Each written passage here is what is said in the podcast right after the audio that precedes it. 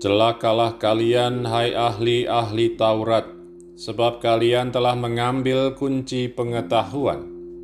Kalian sendiri tidak masuk ke dalamnya, tetapi orang yang berusaha masuk, kalian halang-halangi.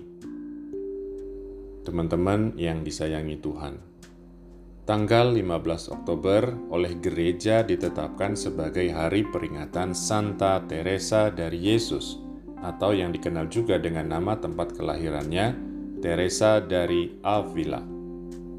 Teresa adalah seorang biarawati Karmelites yang sungguh-sungguh berjuang menghayati hidup rohaninya, membangun relasi yang erat dengan Allah, dan pada gilirannya menerima rahmat yang besar sebagai ganjaran dari Allah sendiri.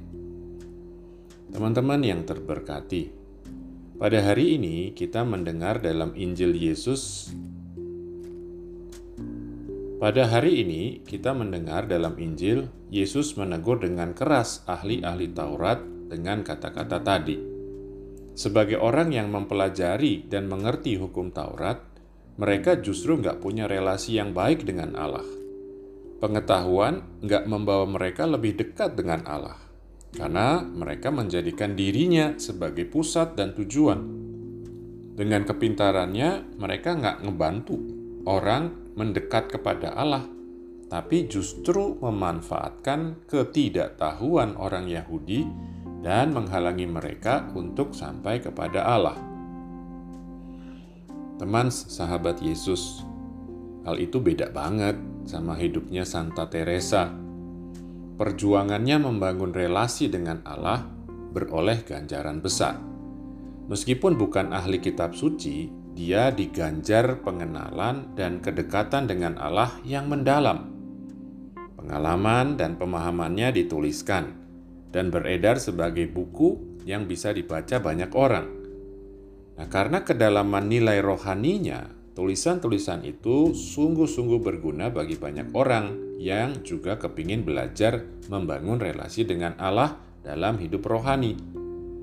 Karena kualitas itu pula, Santa Teresa digelari sebagai pujangga gereja, satu dari hanya tiga perempuan yang mendapat gelar tersebut. Dan karena banyak orang terbantu oleh tulisan-tulisannya, dia juga sering disebut sebagai guru doa bagi gereja. Teman-teman kekasih Allah, yuk kita berjuang membangun relasi dengan Allah. Mumpung kita punya guru yang baik dalam diri Santa Teresa. Menjadi biasa-biasa aja bukan pilihan bagi kita. Orang-orang yang dipanggil dan telah dianugerahi rahmat keselamatan. Kita mesti berjuang supaya hidup kita mencapai kepenuhannya, kedekatan, bahkan persatuan dengan Allah.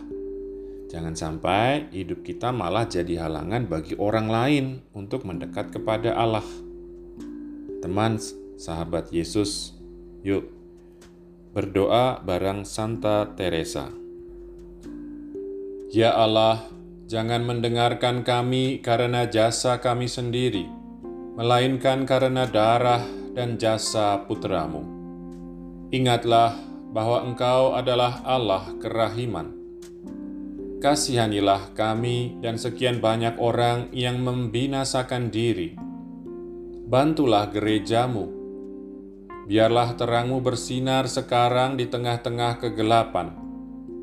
Buatlah kami mampu melakukan apa yang dapat membangkitkan cinta kami kepada gerejamu dan apa yang membangkitkan keputusan teguh untuk hanya menyenangkan Engkau di atas segala-galanya, serta berusaha sedapat mungkin agar tidak menghina Engkau.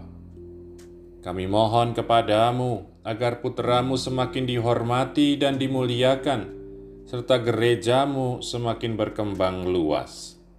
Amin.